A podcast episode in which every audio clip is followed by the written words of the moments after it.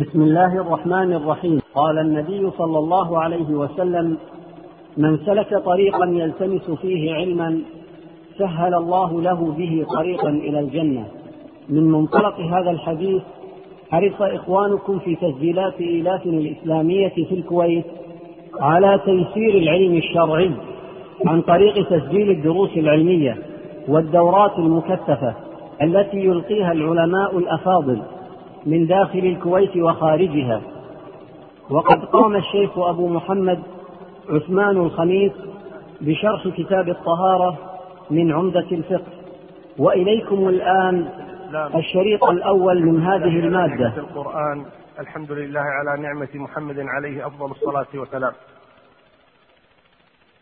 والصلاه والسلام على محمد وعلى آله أما بعد. فما فتئ أهل العلم يبذلون الجهود العظيمة لحفظ هذا الدين العظيم. وذلك أن الله تبارك وتعالى قد كلف أولئك العلماء بحفظ الدين ونشره وتعليم الناس وقد قام علماء هذه الأمة بجهود عظيمة في سبيل تحقيق هذا الأمر. ومن هذه الجهود ما قام به علماء الفقه بتصنيف الكتب وتدريس الطلبة وبث العلم بين الناس بشكل عام.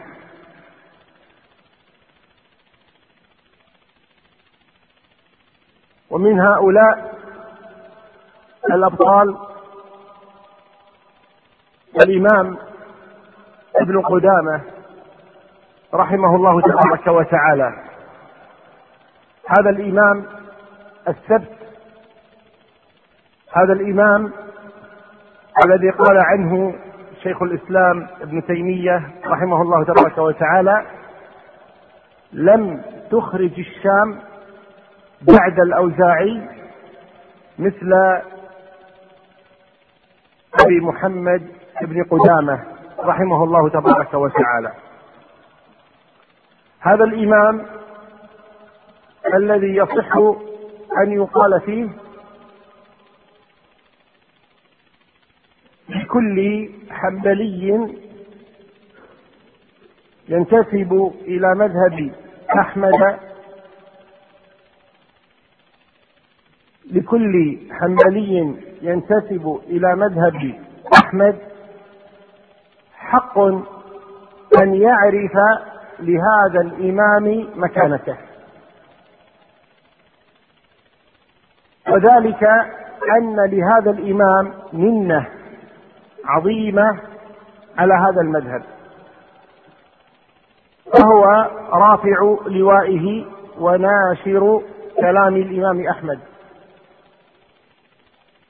وكان مجتهدا في المذهب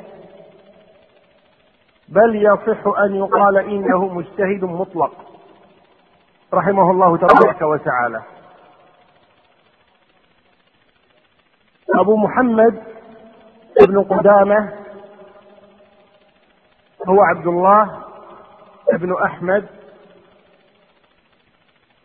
ابن قدامة موفق الدين يرجع نسبه إلى أمير المؤمنين عمر بن الخطاب. ولد في نابلس سنة إحدى وأربعين وخمسمائة من الهجرة. ثم انتقل إلى جماعيل وتتلمذ كثيرا على والده وأخذ كذلك على أو عن عبد القادر الجيلاني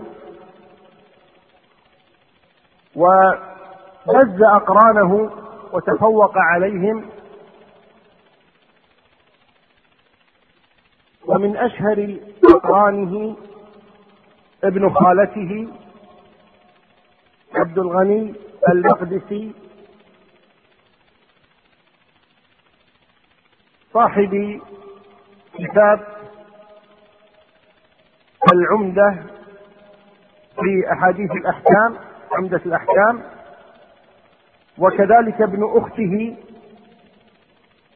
الضياء المقدسي صاحب المختارة. وكان علما ثبتا أثنى عليه علماء عصره حتى قال ابن الصلاح رحمه الله تعالى ما رأيت مثل ابن قدامة.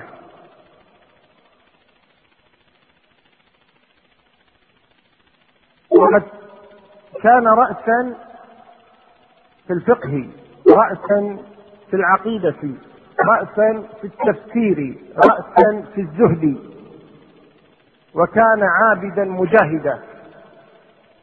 اشترك في قتال الفرنجة الصليبيين من ضمن جيش صلاح الدين الأيوبي ثم مع الملك العادل. وكان يختم القرآن في كل سبعة أيام مرة. كان من العباد رحمه الله تبارك وتعالى. اشتهر بالتدريس حيث إنه كان يدرس من بعد الفجر حتى يرتفع النهار. ثم يرجع إلى بيته. ثم يرجع إلى التدريس من بعد الظهر إلى المغرب. من الظهر إلى العصر ومن العصر إلى المغرب. قد اثرى المكتبة الإسلامية بكتب كثيرة. من أهمها كتاب المغني الذي قال عنه العز ابن عبد السلام ما جرؤت على الفتوى حتى قرأت المغني وهضمته. ويقول العز كذلك من قرأ المغني والمحلى والتمهيد جاز له أن يفتي. من قرأ المغني والمحلى والتمهيد جاز له أن يفتي. علق الإمام الذهبي على ذلك بقوله صدق وأضف إلى ذلك سنن البيهقي. ومن مؤلفاته كذلك الكتاب الذي بين أيدينا وهو العمدة في الفقه. وكذلك له كتاب المقنع وله كتاب الكافي وكلها في فقه مذهب الإمام أحمد. وله روضة الناظر في أصول الفقه وله لمعة الاعتقاد وغيرها من الكتب الشيء الكثير. توفي الإمام ابن قدامة رحمه الله تبارك وتعالى سنة عشرين وستمائة فهو إذا من علماء القرن السابع الهجري. ابن قدامة رحمه الله تعالى توفي سنة عشرين وستمائة وهو من علماء القرن السادس السابع الهجري يعني أدر عاش القرن السابع والقرن السادس. ابتدأ كتابه بقوله بسم الله الرحمن الرحيم. الحمد لله أهل الحمد ومستحقه حمدا يفضل على كل حمد كفضل الله على خلقه. وأشهد أن لا إله إلا الله وحده لا شريك له. شهادة شهادة قائم لله بحقه. وأشهد أن محمدا عبده ورسوله غير مرتاب في صدقه. صلى الله عليه وعلى آله وصحبه ما جاء سحاب بودقه وما رعد بعد برقه أما بعد فهذا كتاب في الفقه اختصرته حسب الإمكان واقتصرت فيه على قول واحد ليكون عمدة لقارئه فلا يلتبس, فلا يلتبس الصواب عليه باختلاف الوجوه والروايات. سألني بعض إخواني تلخيصه ليقرب على المتعلمين ويسهل حفظه على الطالبين فأجبته إلى ذلك معتمدا على الله سبحانه في إخلاص القصد لوجهه الكريم والمعونة على الوصول إلى رضوانه العظيم وهو حسبنا ونعم الوكيل. وأودعت أحاديث صحيح تبركا بها واعتمادا عليها وجعلتها من الصحاح لأستغني عن نسبتها إليها. هذه إذا مقدمة ابن قدامة رحمه الله تبارك وتعالى بين فيها السبب الذي من أجله ألف هذا الكتاب ألا وهو بعد قراءة الناس للمغني وبعد قراءة الناس للكافي والمقنع وغيرها من الكتب أراد أن يجمع الناس على كتاب يحمل رواية واحدة في مذهب الإمام أحمد وهو من الكتب المعتمدة في مذهب أحمد بن حنبل رحمه الله تبارك وتعالى وإن كان مختصرا إلا إنه كتاب معتمد في المذهب. بدأ ابن قدامة كغيره من أهل العلم بكتاب الطهارة.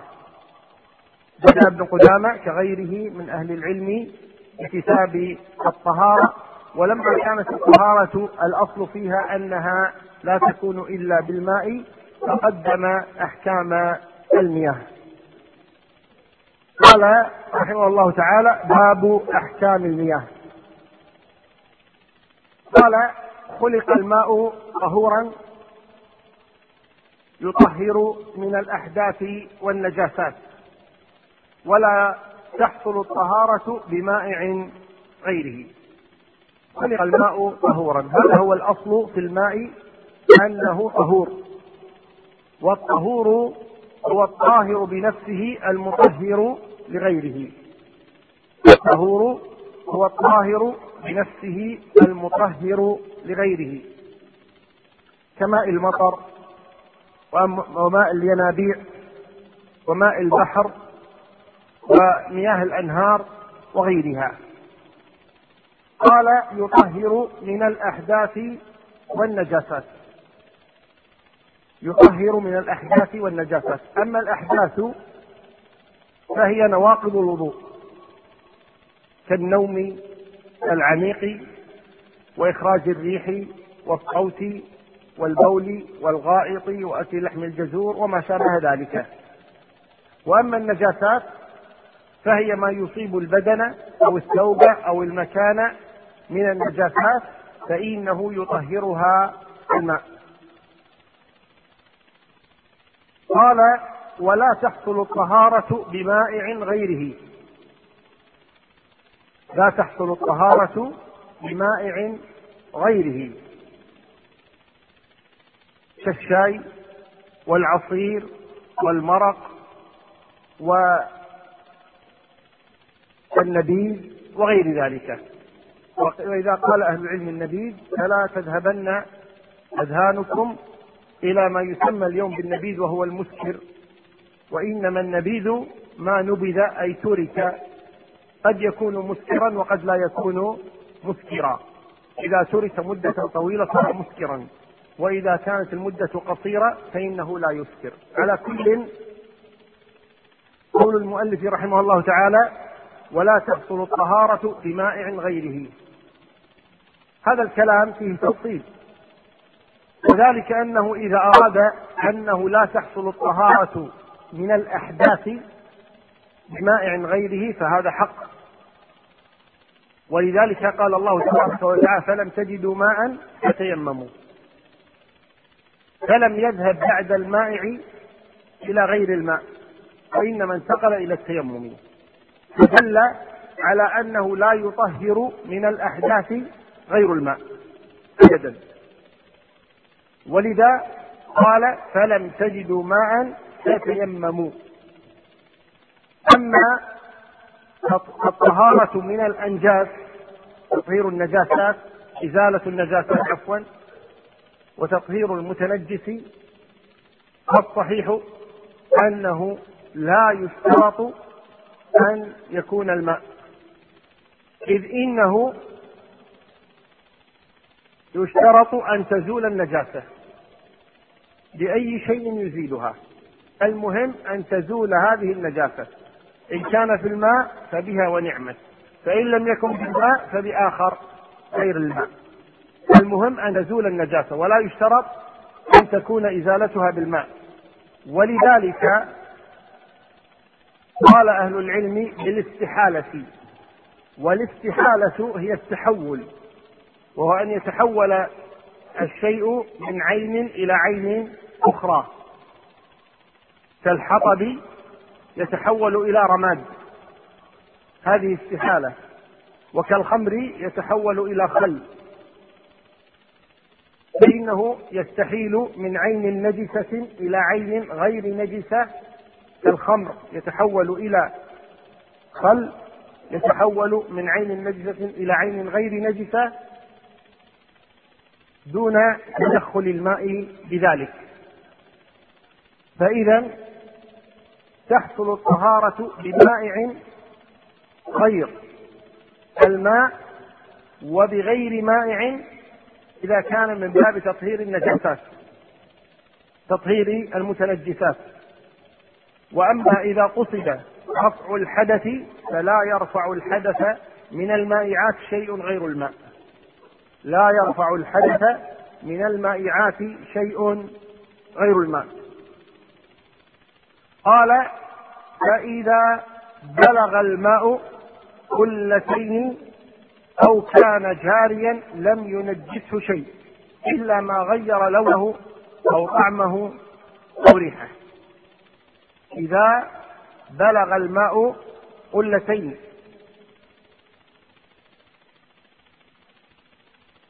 القلة قيل هي ما تقله اليدان يعني ما يستطيع حمله الإنسان. ما يقله الإنسان أي ما يحمله الإنسان. وقيل هي مئة رطل القلة الواحدة. وقيل خمسمائة رطل. فعلى كل مختلف في تحديد القلة. لكن قول النبي صلى الله عليه وآله وسلم إذا بلغ الماء قلتين لم يحمل الخبث. هذا الحديث أخذ منه أهل العلم أنه إذا بلغ الماء قلتين لم يحمل الخبث مفهومه أنه إذا كان دون القلتين فإنه يحمل الخبث وهذا ما يقول عنه أهل العلم بالمفهوم. ليس بمنطوق. لم يقل النبي صلى الله عليه وآله وسلم إذا كان الماء دون قلتين حمل الخبث. وإنما قال صلوات الله وسلامه عليه إذا بلغ الماء قلتين لم يحمل.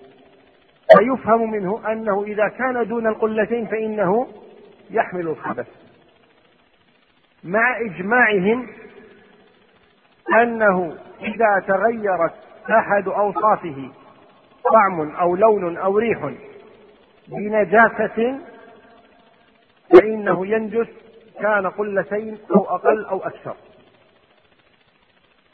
إذا تغير الماء بنجاسة تغير طعمه أو لونه أو ريحه بنجاسة فإنه يحكم عليه بأنه نجس إجماعا سواء كان دون القلتين أو فوق القلتين. ولكن الكلام هنا فيما إذا كان الماء دون القلتين. إذا كان الماء دون القلتين أقل من القلتين من القلتين ثم وقعت فيه نجاسة لم تؤثر فيه. نجاسة قليلة. نقطة أو نقطتان أو ثلاث من نجاسة وقعت في ماء دون القلتين ولم يتغير طعمه ولا ريحه ولا لونه بهذه النجاسة. فهل يجوز الوضوء بهذا الماء؟ هل يحكم عليه بأنه طاهر أو يحكم عليه بأنه نجس؟ على مفهوم حديث إذا بلغ الماء قلتين لم يحمل الخبث قلنا إن مفهومه ماذا؟ أنه إذا كان دون القلتين فإنه يحمل الخبث بغض النظر عن تأثيره. ولذا قالوا إذا بلغ الماء دو إذا لم يبلغ الماء قلتين فإنه يتنجس بوصول النجاسة إليه. أثرت أو لم تؤثر؟ وهذا ما ذكره ابن قدامة رحمه الله تعالى بقوله فإذا بلغ الماء قلتين فإذا بلغ الماء قلتين أو كان جاريا لم ينجسه شيء إلا ما غير لونه أو طعمه أو ريحه. وما سوى ذلك فإنه ينجس بمخالطة النجاسة. يخلط ينجس بمجرد مخالطة النجاسة. هذا القول.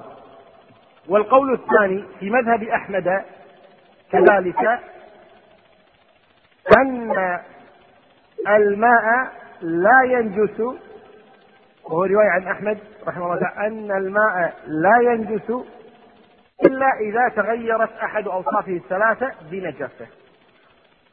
لا ينجس إلا إذا تغيرت أحد أوصافه الثلاثة بنجاسة.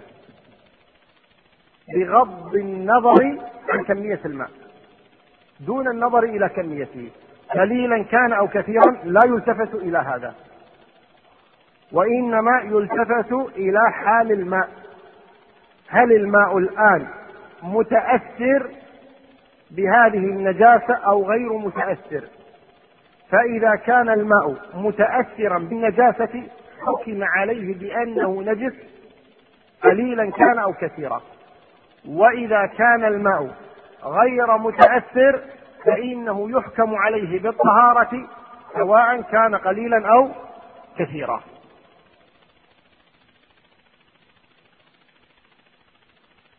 وهذا القول الثاني هو الأرجح وهو المشهور بل هو قول الإمام مالك رحمه الله تعالى وهو الرواية الثانية عن الإمام أحمد وهو أن الماء لا يتنجس إلا إذا تغيرت أحد أوصافه.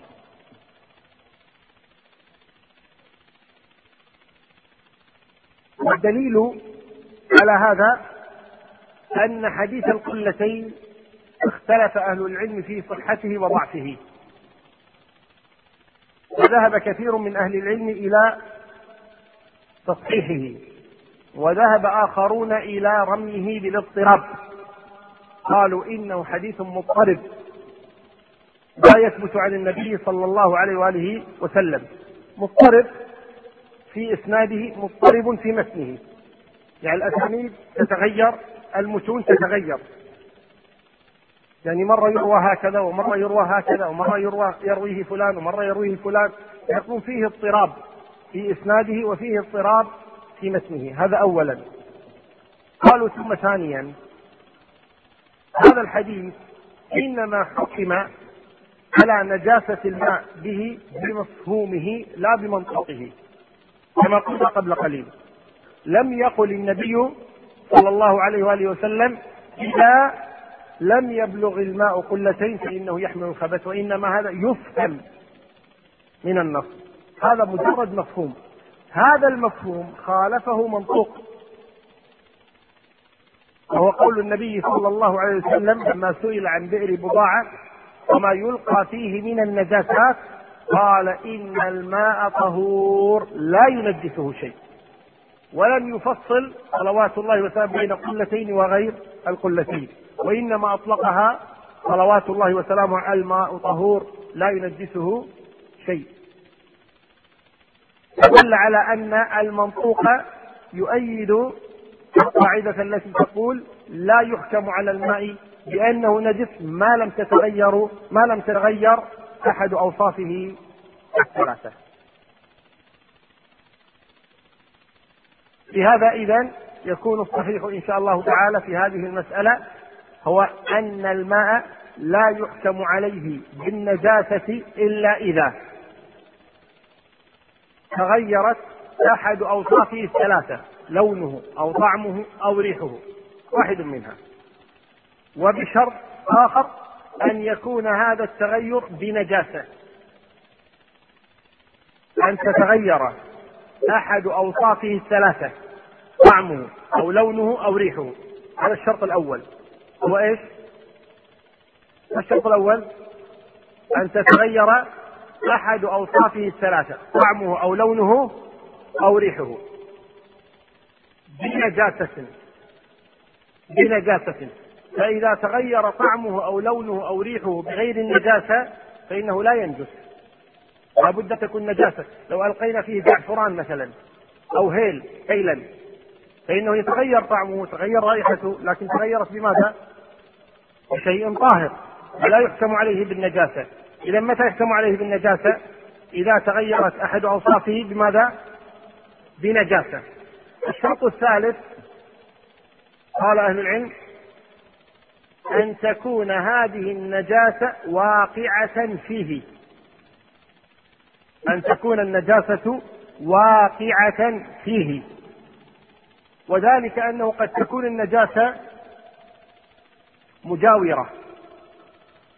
كأن تكون ميتة قرب ماء وتترك هذه الميتة مدة طويلة قرب الماء الميتة تكون رائحتها إيش؟ نتنة بعد مدة تجد أن الماء صارت رائحته إيش؟ نتنة بسبب ماذا؟ بسبب الميتة إذا هنا تغير تغيرت رائحته ولا لا؟ نعم بنجاسة ولا لا؟ لكن هل هذه واقعة فيه أو إنها مجاورة؟ مجاورة لا يختم عليه بالنجاسة لا يحكم على الماء بالنجاسة لماذا؟ لأن النجاسة مجاورة وليست واقعة فيه إذا متى يحكم على الماء بأنه نجس؟ متى يحكم على الماء بأنه نجس؟ نعم إذا تغيرت أحد أوصافه الثلاثة طيب يعني أن تتغير بنجاسة وأن تكون النجاسة واقعة فيه الصفوف الخلفية من يعيدها؟ نعم.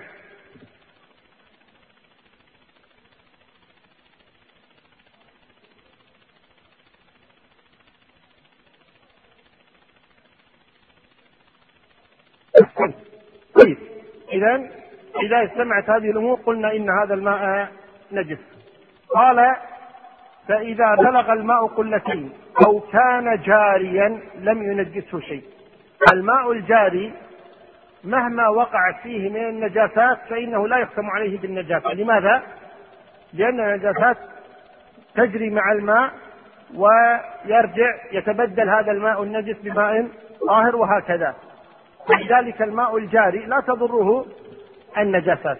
الماء الجاري لا تضره النجاسات لأنه يجري وتجري معه تلك النجاسات ويتبدل الماء تلو الماء فلذلك لا تؤثر فيه تلك النجاسات. ولذا هذا البحر كما ترون يعني آه، تلقى فيه من النجاسات ما الله به عليم ومع هذا لا يحكم عليه بالنجاسة. لماذا؟ لأنه جار ولكبره وقلة هذه النجاسات مقارنة بحجم الماء فإنها لا يلتفت إليها. قال إلا ما غير لونه أو طعمه أو ريحه. قلنا هذا بالإجماع. إذا تغير لون الماء أو ريحه أو طعمه جاريا كان أو راكدا قليلا كان أو كثيرا إذا كان الماء متغيرا بنجاسة واقعة فيه فإنه نجس بغض النظر عن كثرته وقلته وجريانه وركوده. قال والقلتان ما قارب 108 أرطال بالدمشقي. يعني هذا تقدير القلتين في نظر ابن قدامة رحمه الله تبارك وتعالى. قال وإن طبخ في الماء ما ليس بطهور وكذلك ما خالطه فغلب على اسمه أو استعمل في رفع حدث سلب طهوريته. إن طبخ في الماء ما ليس بطهور. الماء قد يطبخ مع شيء غير الماء. إذا طبخ شيء في الماء كمثل ماذا؟ ماء صار مرقا. طبخ وصار مرقا. ماء صار آه، مع الأرز أو غير ذلك. المهم أن الماء طبخ مع شيء آخر. كان صار مرقا صار عصيرا صار شايا صار قهوة. هذا في الأصل أنه كان إيش؟ كان ماء لكن خالطه شيء آخر طبخ معه فاختلطا. فاختلطا. قال إذا هنا لا يصير طهورا. لا يصير طهورا. ماذا يصير؟ قال يصير طاهرا. يتحول من اسم الطهور إلى اسم الطاهر. لماذا؟ قال نحن لا نختلف أنه الآن طاهر ولذلك نشرب المرق ونشرب الشاي والعصير ولا لا؟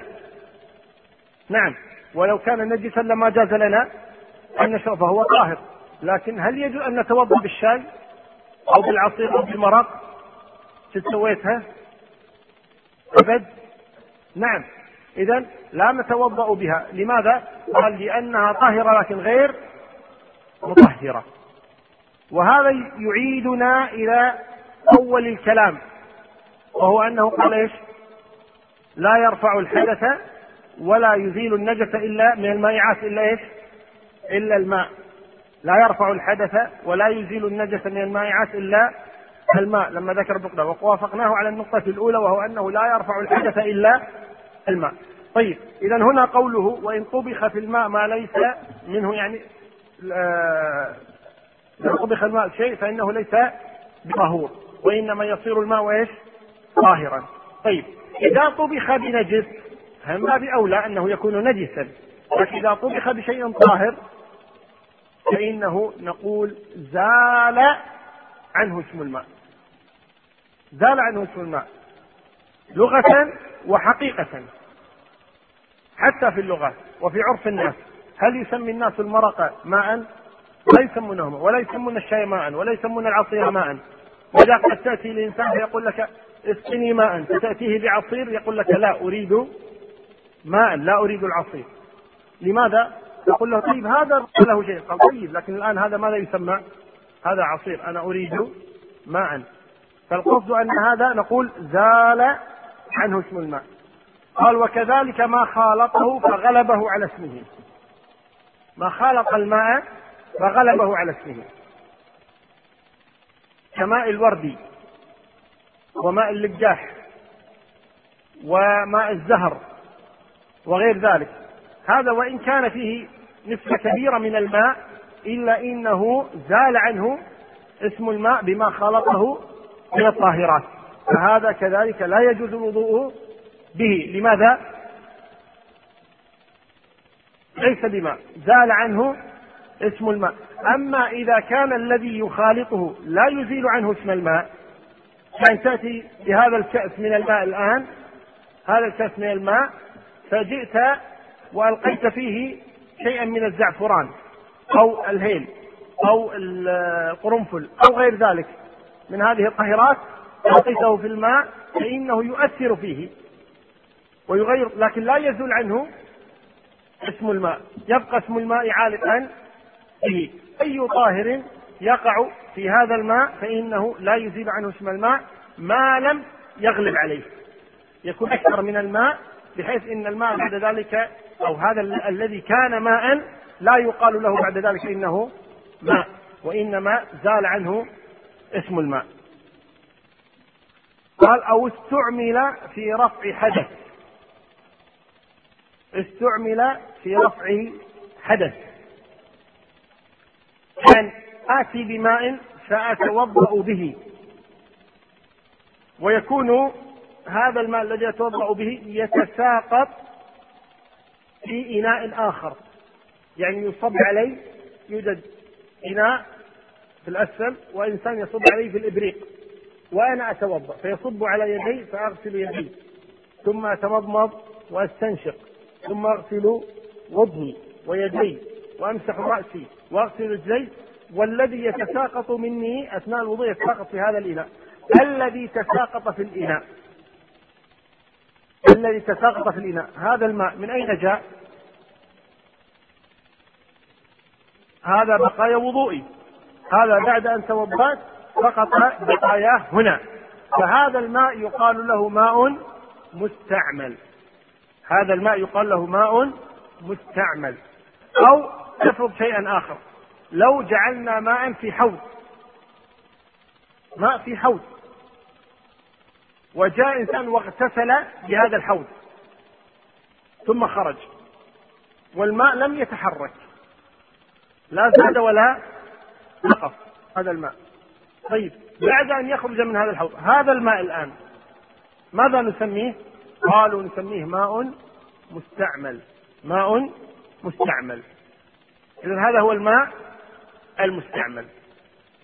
استعمل في رفع حدث أكبر أو استعمل في رفع حدث أصغر. كله يقال له إيش؟ ماء مستعمل. هذا الماء المستعمل هل يجوز أن يأتي آخر ويتوضأ به أو لا؟ هذا الماء المستعمل. هل يجوز لآخر أن يأتي ويتوضأ به سواء استعمل في رفع حدث أكبر في اغتسال أو استعمل في رفع حدث أصغر وهو الوضوء. هل يجوز لآخر أن يأتي ويتوضأ بهذا الماء؟ قالوا هذا الماء ليس كسائر المياه. لماذا؟ قال لأن هذا الماء استعمل. استعمل في ماذا؟ في رفع حدث. طيب يقول أولا هذا الماء يحتمل أنه استعمل في واحد من أمرين. الأمر الأول رفع حدث الأمر الثاني تجديد الوضوء. ولا لا؟ هل كل من يتوضأ يكون محدثا؟ النبي كان يتوضأ لكل صلاة. قد يكون منكم الآن من يحرص على الوضوء دائما سواء أحدث أو لم يحدث.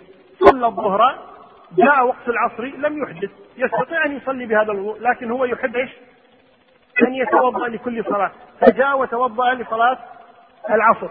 صلى المغرب ثم جلس في المسجد يقرأ القرآن مثلا أو يحضر درسا أو كذا فلما جاء وقت العشاء قام وتوضأ مرة ثانية. هذا الذي توضأ وهو غير محدث ماذا يقال له؟ جدد وضوءه. هو على وضوء لم يحدث. يقال جدد وضوءه. أما الذي انتقض وضوءه بعد الظهر توضأ العصر لا يقال جدد وضوءه وإنما يقول استأنف الوضوء. لأنه كان محدثا. لأنه كان محدثا فإنه استأنف هذا الوضوء. إذا عندنا اثنان. إنسان يجدد وضوءه وآخر يبدأ وضوءا بعد حدث. إذا هناك وضوء بعد حدث وهناك وضوء ليس بعد حدث. وكذا الأمر بالنسبة للاغتسال. هناك اغتسال عن حدث وهناك اغتسال عن غير حدث. هل هما سواء؟ قالوا لا. إذا كان هذا الماء استعمل لتجديد وضوء فإنه لا لا يقال له ماء مستعمل. لا يقال له ماء مستعمل. لماذا؟ لأنه استعمل في تجديد وضوء وليس في رفع حدث.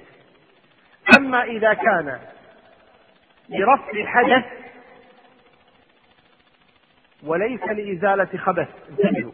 نحن لا نتكلم عن إزالة النجاسات. نتكلم عن إنسان انتقض وضوءه بريح بصوت بنوم ياكل لحم جزور يجدد وضوءه. نقول إذا قالوا إذا كان لرفع حدث فإنه هنا يكون معا مستعملا. وبالتالي قالوا لا يجوز أن يتوضأ به. لماذا؟ قال لأنه ماء مستعمل. مع الاتفاق على أنه طاهر. هم لا يقولون بنجاسته يقولون طاهر وعن اتفاق اتفاق المختلفين في هذه المسألة وإلا في بعض أهل العلم يرون أنه لا يكون طاهرا. ولكن الذي عليه الجماهير أنه طاهر. ولكن هل يطهر غيره؟ قالوا طاهر غير مطهر. طاهر غير مطهر. والصحيح أنه طاهر مطهر. الصحيح طالما أنه طاهر فهو مطهر. لغيره. وهي الرواية الثانية كذلك في هذا المذهب أنه يبقى على طهوريته إلى رواية ثانية في مذهب الإمام أحمد وإن كان المشهور في المذهب والذي اختاره ابن قدامة أنه لا يطهر. ولكن الصحيح وهو رواية في مذهب الإمام أحمد أنه يطهر آه، غيره وهو اختيار شيخ الإسلام ابن تيمية أنه طاهر ومطهر كذلك. قال بعد ذلك وإذا شك في طهارة الماء أو غيره ونجاسته بنى على اليقين. إذا شك في طهارة الماء أو غيره يعني من الأشياء الأخرى شك فيها فإنه يبني على اليقين. ما هو اليقين؟ ما اليقين؟ قال يبني على اليقين. اليقين هو الشيء الذي تستطيع أن تقسم عليه. اليقين ما تجزم به هذا هو اليقين ما يجزم الإنسان به وما لم تجزم به فليس بيقين. سواء كان غلبة ظن أو كان وهما أو كان شكا هذا أمر آخر لكنه ليس بيقين. ما اليقين إذا اليقين هو الذي تستطيع أن تقسم عليه تستطيع أن تجزم به. هذا هو اليقين. طيب قال إذا شككت فابني على اليقين. ما هو اليقين هنا؟ ما اليقين هنا؟ قال بعضهم اليقين هو أن تحتاط وأن تتركه وتأخذ ماء متيقن أنه طاهور وانتهى الأمر. قال آخر لا. اليقين هو بقاء الشيء على ما كان عليه. بقاء ما كان على ما كان استصحاب الأصل. وهو أنه كان طاهرا فيظل طاهرا. ومن قال إنه صار بعد الطهورية نجسا هو الذي عليه أن يأتي بالدليل. وهذا هو الصحيح. وهو أن اليقين هو أن يبقى على ما كان عليه ما لم يأتي به. نستدل على هذا الأمر جرب الماء. انظر إليه. هل تغير طعمه ريحه لونه بنجاسة واقعة فيه؟ إن قلت نعم فهذا صار يقينا. فإن لم تقل نعم تقول أشك. نقول انظر إليه. استطعمه ماذا الذي وقع فيه؟ هل وقع فيه نجاسة؟ قال نعم وقعت نجاسة لكن لا أدري هل أثرت أو لم تؤثر. انظر إليه. قال لا أدري ما الذي وقع. الأصل في الأعيان الطهارة. هذه قاعدة. عند أهل العلم الأصل في الأعيان الطهارة. أي شيء في الدنيا له جرم ملموس الأصل فيه أنه طاهر. ومن قال إنه نجس يحتاج إلى الدليل. الأصل في أي عين تلمس أنها طاهرة. هذا هو الأصل. والنجاسة أمر طارئ. النجاسة أمر طارئ. والأصل الطهارة. فإذا رأيت شيئا لا تعرف نجس أو طاهر احكم عليه بالطهارة. ما لم تعرف أنه نجس قال وإن خفي موضع النجاسة من الثوب أو غيره غسل ما تيقن ما يتيقن به غسلها. يقول وإن خفي موضع النجاسة من الثوب أو غيره غسل ما يتيقن به غسلها. عندك ثوب أنت متيقن أن هذا الثوب أصابته نجاسة. عندك ثوب متيقن أنت أن هذا الثوب أصابته نجاسة أين هذه النجاسة؟ قلت في كمه اغسل الكم وانتهى الأمر قلت في ذيله اغسل الذيل وانتهى الأمر قلت في وسطه اغسل الوسط وانتهى الأمر هذا متى؟ هذا إذا عرفت مكان النجاسة فإن لم تعرف مكانها فاغسل الثوب كله. إذا عرفت مكان النجاسة فلا داعي لغسل الثوب كله وإنما تغسل ماذا؟ الجزء الذي أصابته النجاسة. وإذا كنت لا تعلم مكان النجاسة فاغسل الثوب كله. قال وإن اشتبه ماء طاهر بنجس. ولم يجد غيرهما تيمم وتركهما. إن اشتبه ماء طاهر بنجس ولم يجد غيرهما تيمم وتركهما. عندك ماء طاهر وماء نجس. المشكلة أنك لا تدري أيهما الطاهر وأيهما النجس. وهذه حالات يعني نادر أن تقع. ولكن أهل العلم رحمهم الله تبارك وتعالى يجعلون مثل هذه الافتراضات لأنها قد تقع. وإن كانت قليلة الوقوع فإنها قد تقع. فلذلك يوجدون لها الحلول. عندك ماءان أحدهما طاهر وأحد وآخر نجس. كيف عرفت؟ قالوا لك. أعطوك سطلين من الماء قال هذا طاهر وهذا نجس وتركوك ومشوا عنه قالوا لك هذا النجس مثلا الماء النجس المتنجس طيب اسقي به الأرض اسقي به الدابة اسقي به كذا كذا لكن للوضوء توضأ من هذا الطاهر. انتبه هذا الطاهر وهذا النجس. لا تنسى. ثم خرجت نمت ثم جئت. ايهما الطاهر وايهما النجس؟ الآن ما تدري. اختلط الأمر عليك. بين الماءين أيهما الطاهر وأيهما النجس؟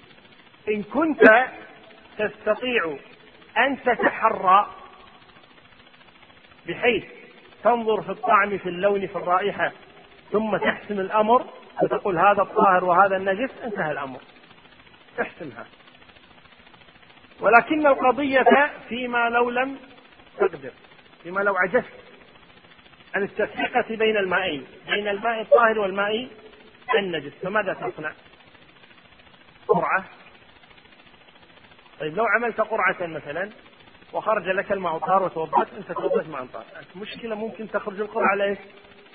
على ان تجلس تتوضأ به وكأنك يا أبو زيد ما غزيت لماذا؟ ما وضوء ما يصح أصلا بالماء النجس يصح الوضوء بالماء النجس؟ ما يصح اذا وضوءه كعدمه طيب في حل آخر ما الحل الآخر؟ قال أتوضأ فيهما. أتوضأ بالطهر وأتوضأ بالنجس. طيب لكن ابدأ ظهر أو تبدأ بالنجس؟ قال لا أبدأ بالنجس أولا. طيب لأن إذا بدأت بالنجس ثم الطاهر يأتي إيش؟ ويغسل هذه النجاسات. أنا سأبدأ بالنجس. ما شاء الله تعرف الطاهر النجس اترك النجس إذا تعرفهما. لا المشكلة إني ما أعرفهما لكن أتوقع أن هذا هو الطهر وهذا هو النجس. طيب بس المشكلة ماذا؟ أنه قد يتوضأ ابتداء بإيش؟ بطار ثم يتبعه النجس يكون وضع النجاسة على بدنه ومن شروط صحة الصلاة إيش؟ إزالة النجاسة وإن كان هو ارتفع حدثه بالوضوء بالماء الطاهر لكن المشكلة أنه الآن وضع على جسمه شيئا نجسا وهو الماء ولا لا؟ ثم معي؟ نعم وضع على جسمه شيئا نجسا قال فك بهالطلايب اترك الماءين وتيمم وانتهى الأمر. وأنت معذور واضح الصورة؟ إذا إذا كان يستطيع أن يتحرى ويغلب على ظنه شيء فليعمل بما غلب على ظنه وإن كان ضاع لا يستطيع أن يتحرى ولا يستطيع أن يفصل بين المائين نقول له دع المائين وتيمم وصل. وأنت معذور في هذا. وإذا قال وإن اشتبه ماء طاهر بنجس ولم يجد غيرهما تيمم وتركهما. قال وإن اشتبه طهور بطاهر توضأ في كل واحد منهما. الأمر أسهل شوي. الأمر أسهل شوي. عنده ماء طهور وماء طاهر. قال توضأ فيهما. قال طيب يمكن الطاهر يأتي بعد الطهور. ما في أي مشكلة. الطاهر غير نجس ما يتنجس الجسم. ما في أي مشكلة. يأتي هذا قبل هذا بعد اسمك في النهاية توضأت بطهور. اسمك في النهاية توضأت إيش؟ بطهور وانتهى الأمر. طيب إذا قلنا كل ظهور يجوز الوضوء به كما بينا قبل قليل ليس أيضا ما في أي مشكلة الآن. توضأ بأحدهما وانقضى الأمر. لكن الشاهد هنا بناء على من يقول إن الماء المستعمل يكون طاهرا غير مطهر يقول لك توضأ بالاثنين. مر بهذا ومر بهذا. طيب وضوء كامل بهذا ثم وضوء كامل بهذا ولا أبدأ اتمضمض واستنشق من هذا ثم اتمضمض واستنشق من هذا ثم اغسل الوجه من هذا ثم اغسل في سعه سواء فعلت هذا وضوءا كاملا من هذا ثم وضوءا كاملا من هذا أو توضأت على العضو من هذا ثم العضو من هذا الأمر فيه سعه يجوز هذا ويجوز هذا. لكن القصد أنه لو وقع الإنسان في مثل هذا الإشكال فإنه يفعل مثل ذلك. وإذا قلنا وهو الصحيح إن الماء المستعمل طاهر ومطهر كذلك يكتفي بأحدهما ولا إشكال في هذا الأمر. قال وإن اشتبهت الثياب الطاهرة بالنجسة صلى في كل ثوب صلاة بعدد النجس وزاد صلاة. اشتبهت الآن؟ ثياب طاهرة بثياب نجسة. إنسان جاءوه بأربعة أثواب. بأربعة أثواب. ثم قالوا له ثلاثة منها نجسة. وواحد طاهر. لغز. ثلاثة منها نجسة. وواحد طاهر. تركوهم طلقوا طيب الآن يريد أن يصلي. أيها الطاهر وأيها النجس. ما يدري. واحد طاهر. قرعة. قد تخرج القرعة عليه خاصة إذا قلنا أصحاب النجس إيش؟ ثلاثة. واحد طاهر. ما تطلع عليه القرعة. طيب. أولا يتحرى. كان يستطيع أن يتحرى بحيث أنه يميز النجس من الطاهر طيب. المشكلة كلها فيها بقع. ثياب طيب. لكن ما إذا هذه البقعة من بول أو البقعة من شيء طاهر؟ نظر في هذه الثياب. طيب الحين بصلي يعني وما عندي إلا هذه الثياب لازم يصلي لازم يلبس واحدة من هذه الثياب. قال طيب خذ واحد وصل فيه. طيب يمكن نجس ما مشكلة. صليت خلاص. خلاص ضعه جانبا. ثم خذ الثاني وصل فيه أيضا. في صلاة واحدة صلاة العصر. صل بالثاني. طيب يمكن ثاني نجس ما في مشكلة. صليت؟ دعه جانب صل بالثالث أيضا. وصلى بالثالث. طيب طيب يمكن نجس أصبر شوي. وضع الثالث. صل بالرابع الآن. طيب يمكن نجس لا ما يمكن أبدا. قطعا واحد من الأربعة إيش؟ طاهر. قطعا واحدة من هذه الصلوات كانت إيش؟ صحيحة. اكتملت شروطها. اكتملت شروطها. واسمك؟ صليت إيش في ثوب؟ طاهر. واحد يقول طيب أروح أشتري ثوب خامس وحل المشكلة. لأنه ما في مشكلة هنا انتهت المشكلة إذا. إذا عندك ثوب خامس طيب دع هذه الأربعة وصلي بثوب خامس. قال أو أغسلها جميعا أغسلها جميعا وانتهى ما في أي مشكلة هنا. يعني ما يبي يصلي. لكن نحن نقول فيما لو لا تملك ثوبا خامسا لا تملك ما تستر به عورتك لا تملك. طيب فهنا إذا وقعت مثل هذه الحالة فصلي فيها كلها. طيب؟ ستكون صلاتك طيب. طيب لو قال قال طيب عندي خمسة أثواب ثلاثة نجسة واثنان طاهرة نقول صلي بأربعة. قال عندي ثلاثة نجسة وثلاثة طاهرة صلي بأربعة كذلك. لأن قطعا في الأربعة يكون إيش؟ واحد منها طاهر. هذا الخروج بالخلاف من هذه مثل هذه المسألة. وهذه كما قلت حالات إيش؟ نادرة. يمكن أن تعيش وتموت لا إنها ما وقعت لك ما سمعت فيها أنها وقعت في أحد. ولكن كما قلت أهل العلم يضعون مثل هذه الاحتياطات أو هذه الإجابات خشية أن يقع مثل هذا الأمر لبعض الناس. طيب قبل أن نكمل في أحد عنده سؤال على ما مضى؟ على ما مضى. سم.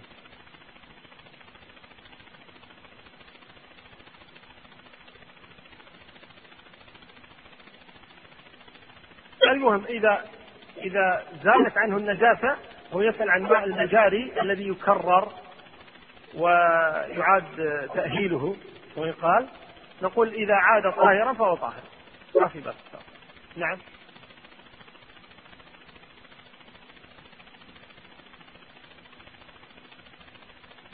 لا في تجديد الوضوء عند الجميع. حتى الذين يقولون إن الماء المستعمل آه، يصير طاهرا غير طهور يقول إذا كان لرفع حدث. أما إذا كان لتجديد وضوء فإنه يظل طاهرا مطهرا. حتى الذين يقولون الماء المستعمل يقول إذا كان لرفع الحدث فقط.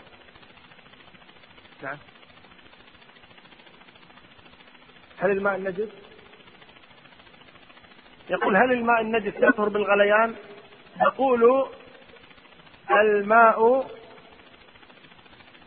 الماء إذا طهر بأي صورة كانت. إذا زالت عنه النجاسة الذي هي طعم أو لون أو رائحة. إذا زالت هذه النجاسة بأي شيء سواء كانت بالمكاثرة. إن يكون الماء هذا نجسا. ونضع عليه ماء ماء ماء ماء, ماء حتى تضيع. النجاسة يسمى المكاثرة فإنه يصير طاهرا أو بالنزح منه. وذلك أن الماء كثير فيه نجاسة. فنأخذ عين النجاسة ونلقيها خارج الماء فيكون بعد ذلك طاهرا ما في بأس. أو يكون بالاستحالة. مع المدة هذه النجاسة يعني يذهب أثرها ويبقى هذا الماء. أو بما ذكرت بالغليان المهم أن تزول هذه النجاسة بأي صورة زالت يحكم على الماء بعد ذلك بأنه طهور طيب. نقول هل نقول إن خلط الماءين يطهرهما؟ فهل نخلطهما؟ ممكن. ممكن أن يخلط الماءان ويقصد الماء النجس والماء الطاهر. إذا خلطناهما يعني تذهب النجاسة. نعم. تذهب النجاسة إذا كانت النجاسة قليلة بحيث أن الماء يصير إيش؟ كثيرا فتضيع هذه النجاسة. هذا إنما يكون إذا علم الماء النجس. إذا علم الماء النجس يعني علم هذا ماء نجس وهذا ماء طاهر معلومان الآن. هذا معلوم وهذا معلوم.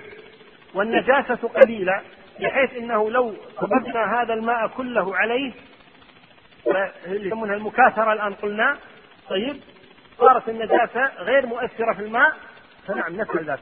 لكن الإشكال أننا لا ندري أي المائين هو النجس ولا ندري مقدار هذه النجاسة. الإشكال فيما لو سكبنا هذا الماء الطاهر على الماء النجس قد يصيران إيش؟ كلاهما نجسين. هذه هي المشكلة.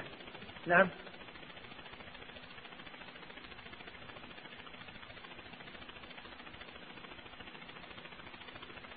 لا إذا ما تستطيع أن تميز ويقينا أحدهما نجس تبتعد عنهما. إذا كنت تستطيع أن تميز ميز. إذا كنت لا تستطيع طيب لا أشم لا أرى لا أتذوق خلاص.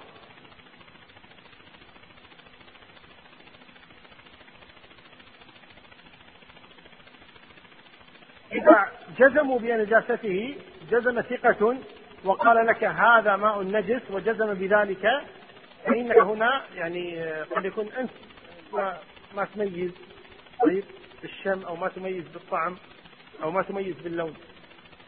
نعم. طيب. يقول لماذا لا نقول لمن اشتبه نجس بطاهر أن يخلطهما؟ ذكرنا هذا قبل قليل. يقول هل تقسيم الماء ذات أقسام صحيح وما الدليل؟ نعم صحيح. يعني هناك من أهل العلم من يجعل الماء ثلاثة أقسام طاهر أو طهور وطاهر ونجس. وهناك من يقول طاهر ونجس. هي الإشكالية في الماء المستعمل. إشكالية في الماء المستعمل لرفع الحدث. هل الماء المستعمل لرفع الحدث يمكن أن يستعمل مرة ثانية لرفع حدث آخر أو لا؟ هذا الخلاف في هذه المسألة. فمن قال إنه يمكن يرى أن الأمر فيه سعة. في تسمية الماء أو تقسيمه إلى قسمين. طيب. ثم قال اكتب ثلاث ثم قال رحمه الله تبارك وتعالى وتغسل نجاسة الكلب والخنزير سبعا إحداهن بالتراب وتغسل نجاسة الكلب والخنزير سبعا إحداهن بتراب. هذا الكلب فنص حديث النبي صلى الله عليه وآله وسلم إذا ولغ الكلب في إناء أحدكم فليغسله سبعا إحداهن بالتراب. وفي رواية عفروهن الثامنة بالتراب. وفي رواية آه، أولهن بالتراب. المهم روايات كثيرة حول هذا الحديث لكن باتفاق أن الكلب جاء فيه نص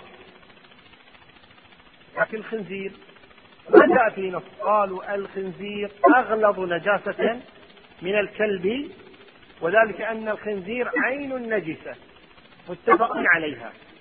الكلب مختلف في نجاسته مع اتفاقهم على نجاسة لعابه لكن مختلف في نجاسة بقية جسده. أما الخنزير فعين نجسة. قالوا فإذا كان الكلب يغسل الإناء بعده سبع غسلات فالخنزير من باب أولى ولذلك جعلوا الخنزير والكلب شيئا واحدا من هذه الحيثية. قال ويجزئ في سائر النجاسات ثلاث منقية. يجزئ في سائر النجاسات ثلاث منقية. يعني لا يجزئ أقل من ثلاث. أي هذا المفهوم؟ لأن دائما عندنا مفهوم ومنطوق. عندما يقول ويجزئ في غيرها ثلاث منقية نفهم أن أقل من ثلاث؟ لا تجزئ. أقل من ثلاث. وهذا هو المشهور في مذهب أحمد. أن أقل من ثلاث لا تجزئ.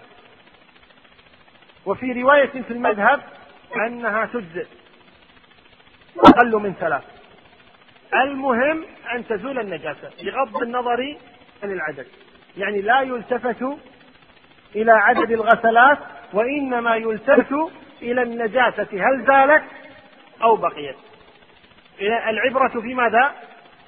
في بقاء النجاسة وزوالها وليست في عدد الغسل. أما الكلب قالوا هذا متعبد به. نص من النبي صلى الله عليه وسلم في الكلب نص متعبد به. أما غير الكلب فلا. طيب من أين جاءوا بثلاث؟ من قول النبي صلى الله عليه وسلم إذا استيقظ أحدكم من نومه فلا يغمس يده في الإناء حتى يغسلها ثلاثا. أخذوها من هذه. والصحيح القول الثاني وهو الرواية الأخرى في المذهب وأنه لا يشترط الثلاث إنه جاءت أحاديث كثيرة عن النبي صلى الله عليه وآله وسلم في غسل النجاسات من الدم أو غيره لا يذكر فيها العدد. وإنما يأمر بغسل النجاسة دون ذكر العدد. صلوات الله وسلامه. ثم كذلك من حيث النظر المقصود إزالة النجاسة. زالت بواحدة باثنتين بثلاث قد نزيد على الثلاث. على أربع أو خمس أو ست. فالمهم أن نزيل هذه النجاسة. قال وإن كانت وإن كانت النجاسة على الأرض فضة واحدة تذهب بعينها. لقوله صلى الله عليه وآله وسلم صبوا على بول الأعرابي ذنوبا من ماء. قال ويجزئ في بول الغلام الذي لم يأكل الطعام النضح. عندنا غلام وجارية ذكر وأنثى. الذكر والأنثى قبل أن يطعما يعني عندما يكونان يعتمدان على الحليب. والمقصود قبل أن يطعم أن يطعم باختياره يستغني عن الحليب. وإلا في بعض الأطفال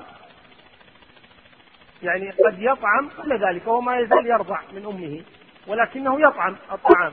يعني عمره ستة أشهر يعطى خبزة يعطى آه، حلوا يعطى تمرا يعطى كذا. طيب يأكل. لكنه لا يعتمد على هذا الطعام. ما زال اعتماده على ماذا؟ على الحليب على اللبن. ما زال يعتمد على الرضاع. وإنما هذا الطعام يعني شيء طارئ. فهذا لا يقال إنه طعم طعام وإنما المقصود بمن يطعم الطعام من فطم من فطم عن الحليب وصار يعتمد على الطعام هذا الذي تترتب عليه الأحكام. اذا الصبي الذي لم يأكل الطعام يقال له غلام والبنت التي لم تأكل الطعام يقال لها جارية. هذان الصبي والجارية الغلام والجارية هذان يعني يفرق بينهما. وذلك أن الصبي اللي هو الغلام الذكر إذا بال على ثوبك فيكفيك أن تنضحه بالماء نضحا دون غسل دون فرق بس مجرد تأخذ ماء بيدك وتنضحه تنضح مكان بوله. وأما إذا كان البول من الجارية فإنه يغسل. ولذا يقسم أهل العلم البول إلى قسمين. إلى بول نجس نجاسة مغلظة وإلى بول نجس نجاسة مخففة.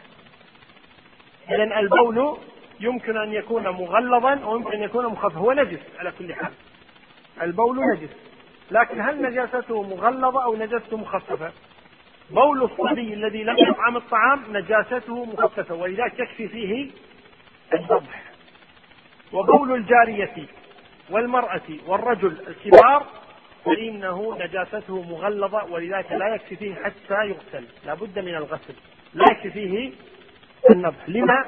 لأن النجاسة مغلظة.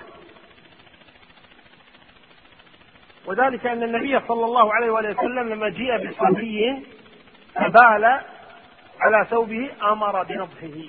وقال يرش من بول الغلام ويغسل من بول الجارية. يرش من بول الغلام ويغسل من بول الجارية. قال وكذلك المذي. المذي هو الذي يخرج من الإنسان حينما يفكر بالشهوة أو يلاعب زوجته فإنه يخرج منه شيء يقول له المذي. وهو سائل رقيق شفاف. وهذا المذي يخرج بدون إرادة الإنسان ليس كالبول البول يخرج بإرادته المني يخرج بإرادته الودي يخرج بإرادته المذي هذا يخرج بغير إرادة. تزيد عنده الشهوة يخرج المذي هذا المذي كذلك لعدم سيطرة الإنسان عليه من رحمة الله تبارك وتعالى أيضا جعل نجاسته مخففة. نجاسة المذي مخففة ويكفي فيه النضح كذلك كما هو الأمر بالنسبة لبول الصبي الذي لم يطعم الطعام. قال ويعفى عن يسيره أي يسير الذي ويسير البول يعفى عنه لأنه يسير. كيف نعرف اليسير من الكثير؟ عرفا. يرجع في هذا إلى عرف الناس. قال ويسير الدم كذلك يعفى عنه. وما تولد منه من القيح والصديد يعفى عنه. قال وحد اليسير هو ما لا يفحش في النفس. ما لا يفحش في نفس من؟ في نفس الإنسان المعتدل. لأن بعض الناس قد يكون عندهم يعني آه، عدم مبالاة. لو يشوف الدم ملأ الجسد لا بس حاجة انتهى. ما يعني لا يبالي. وبعض الناس نقطة دم تسوي له مشكلة. يعني يستعظمها ويستكثرها لو الدم قليل. فنحن نقول لا لا هذا ولا هذا لا إفراط ولا وإنما عامة الناس إذا فحش عندهم فهو الفاحش وإذا لم يفحش عندهم فهو اليسير. ثم قال ومني الآدمي وبول ما يؤكل لحمه طاهر. المني أصل خلق الإنسان من نطفة من مني يمنى أنت طاهر فأصلك طاهر. فالمني الأصل فيه إنه أنه طاهر. وكذلك بول ما يؤكل لحمه من الغنم أو البقر أو الإبل أو الدجاج. كل ما يؤكل لحمه فبوله طاهر. بدليل أن النبي صلى الله عليه وسلم أمر بشرب أبوال الإبل أمر العرنيين وصلى في مرابض الغنم وهي لا تخلو من بولها وروثها. فدل هذا على طهارتها. نقف هنا إن شاء الله تبارك وتعالى. ونفتح الآن مجال الأسئلة. نقرأ الأسئلة المكتوبة أولا ثم نأخذ الأسئلة المسموعة. يقول هل العطورات التي بها كحول يجوز التعطر بها؟ الخمر إنما يحرم شربها. فالمسكرات هذه أو المسكرات إنما يحرم شربها. شربها هو الذي يحرم وليس وضعها. وإنما الخلاف في نجاستها. فمن قال من أهل العلم بنجاسة الخمر ونجاسة المسكرات بشكل عام لا يجيز وضع هذه العطور لأنها نجسة. ومن قال بعدم نجاسة الخمر وهو الصحيح فإنه يبيح وضعها. يقول إذا كانت النجاسة نقط دم بسيطة وقعت على الثوب هل تنجسه؟ قلنا نعم لكن آه، إذا كانت يسيرة جدا فإنه يعفى عنها. وقد ذكر الإمام النووي رحمه الله تعالى الإجماع نقل الإجماع على أنه يعفى عن يسير الدم. ما هي الحيوانات التي إذا شربت من الماء ينجس؟ ولا حيوان. إذا شرب من الماء ينجس الماء. الماء لا ينجس بشرب الحيوان منه. ولكن ينجس كما قلنا إذا تغيرت أحد أوصافه. ما الفرق بين اتفقوا وأجمعوا؟ لا فرق. اتفقوا بمعنى أجمعوا.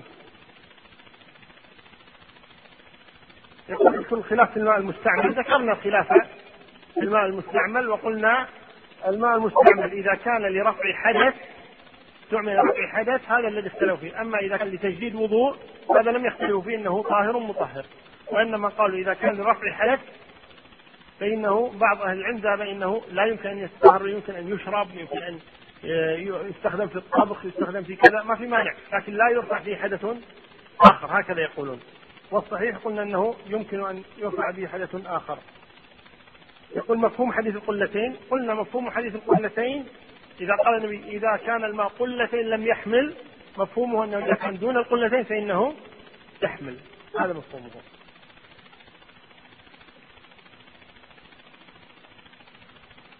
يقول رذاذ البول المنعكس من البانيو فيصيب الثوب.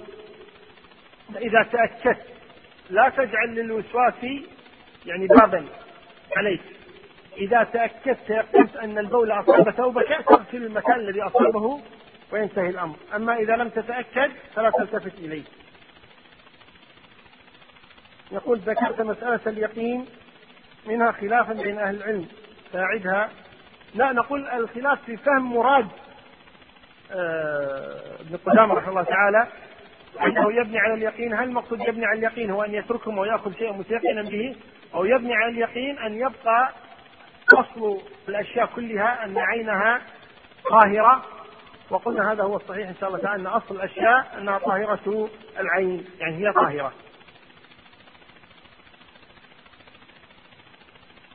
يقول بعض الطلبة لم يستلموا الكتب هذه أين مسؤولون نعم طيب الذي لم يستلم كتابا يسجل اسمه وين يسجل الأسماء؟ سجلتم بالامس؟ طيب الذين لم حضروا اليوم ولم يحضروا بالأمس تجعل ورقه تسجل اسمائهم إن شاء الله تعالى وتأتيهم الكتب بحول الله. يقول ليس معي لا ماء ولا تراب ولا وضوء ما غير متوضئ وأريد أن أصلي. كيف؟ هذا يسمى فاقد الطهورين. فاقد الطهورين. إذا كان لا يستطيع شيئا كالمقيد مثلا المحبوس أو كذا فهذا لا شيء عليه. وأما يصلي يعني كيفما تيسر وأما إذا كان لا يتيمم على الجدار يتيمم على الأرض ما في أي مشكلة إن شاء الله تعالى. لا تأتون بأسئلة. التي عندي فقط. يقول ما الفرق بين الاعتقاد واليقين؟ هذا الاعتقاد هو اليقين. الاعتقاد هو عين اليقين. إذا وقعت نجاسة في أقل من قلة فما حكمه؟ على قول ابن قدامة رحمه الله تعالى أنه ينجس مطلقا والصحيح أنه لا ينجس ما لم تؤثر في طعمه أو لونه أو ريحه هل بول الكلب طاهر أم مجمع على نجاسة بوله؟ ففي خلاف. في بول الكلب بل بول كل غير مأكول اللحم في خلاف وجماهير أهل العلم على أن بول ما لا يؤكل لحمه أنه نجس لأن الأصل في الأبوال أنها نجسة الكحول التي توضع العطور غير التي توضع في شرب الخمر بغض النظر المهم هذا هذا العطر لو شرب هل يسكر أو لا يسكر؟ فإذا كان يسكر النبي يقول كل مسكر خمر وكل خمر حرام. فإذا كان يسكر فهو خمر. ليس بالضرورة أن يكون من أنواع الخمور المعروفة. هل هناك دليل أن الماء المستعمل للوضوء طهور؟ لا الأصل الأصل أن كل ماء يجوز الوضوء به. ومن قال خلاف ذلك هو الذي يحتاج إلى دليل. يقول الغلام الذي لم يفطم لكن يأكل وجبتين من أكل مطحون. هل بوله وقيئه نجس؟ المهم إذا كان يستغني بهاتين الوجبتين يأكل هاتين الوجبتين معنى هذا فطن يعني استغنى عن الحليب. يعني استغنى عن الحليب. المهم أنه ما زال طعامه الرئيس. هو لبن أمه هذا لم يأكل الطعام. وإذا كان طعامه الرئيس هو ما ذكر يعني مطحون وغير ذلك وإنما يشرب اللبن أحيانا. هذا يكون قد فطن أكل الطعام. الكلام في بوله وليس في قيئه قيئه ظاهر. يقول لما أصلي بأثواب بأثواب نجسة وطاهرة أحتاج أن أتوضأ بينهما. لا ما يحتاج أن تتوضأ بينهما لأن لبس الثوب النجس لا لا لا ينقض الوضوء ما يحتاج. إذا بليت بالوسواس ماذا أفعل؟ كن قويا قاوم. قاوم الوسواس. لا تستسلم للوسواس. استعذ بالله من الوسواس الخناس وكن قويا وحاول أن ترد هذه الوسوسة. يقول في حالة الاشتباه بين الثوب النجس والثوب الطاهر لا يحتمل انتقال النجاسة من الثوب النجس إلى الثوب إلى البدن. يقول أهل العلم قاعدة الجامدات لا تنقل النجاسة. قاعدة. الجامدات لا تنقل النجاسة وإنما تنتقل النجاسة بين المائعات. الجامدات لا تنقل النجاسة أبدا وإنما تنقل النجاسة المائعات. فالثوب جامد فما ينقل النجاسة. طيب.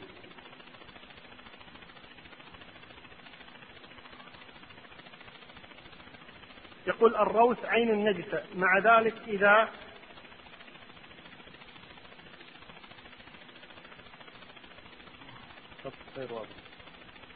إذا وقعت في إناء فإنها لا تقاس لا على الكلب. فلما قسنا هذا على الكلب والخنزير هذا قياس على الفارق. والله ما فهمت. من صاحب السؤال؟ من صاحب السؤال؟ نعم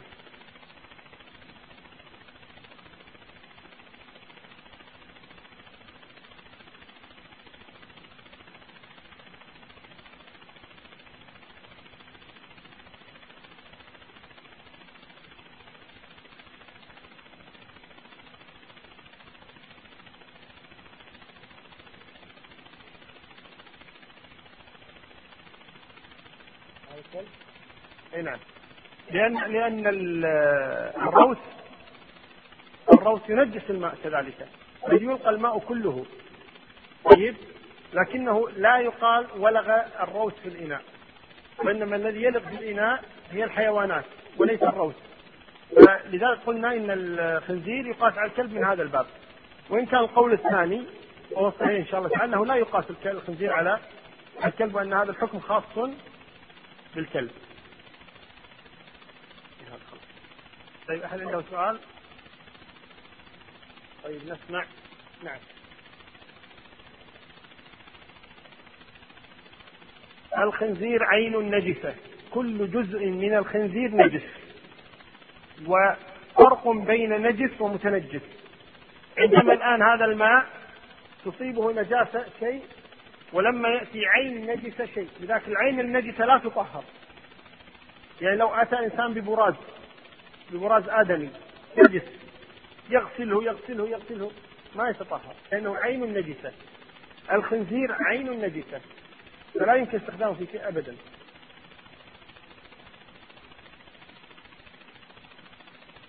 لو ثبت لا يجوز. لا يجوز. نعم.